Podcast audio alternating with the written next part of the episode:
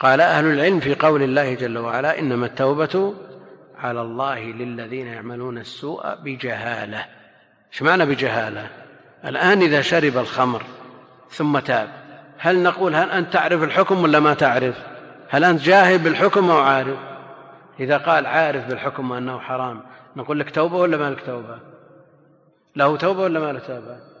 ويقول عارف والله جل وعلا يقول إنما التوبة على الله الذين يعملون السوء بجهالة.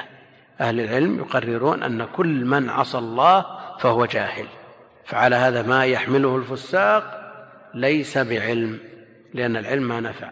والعلم الذي لا ينفع في معاملة الخالق ومعاملة الخلق هذا ليس بعلم في الحقيقة.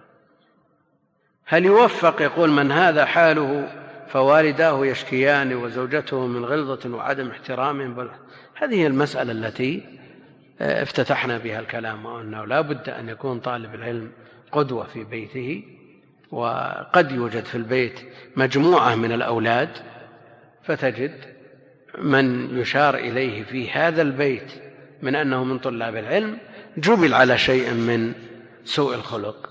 وتجد بالمقابل من لا يهتم بالعلم وليس من طلاب العلم عنده شيء من التودد والتحبب.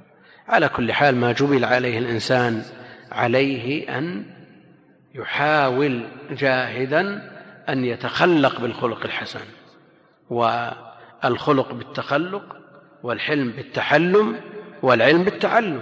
المسألة تحتاج إلى جهاد نفس.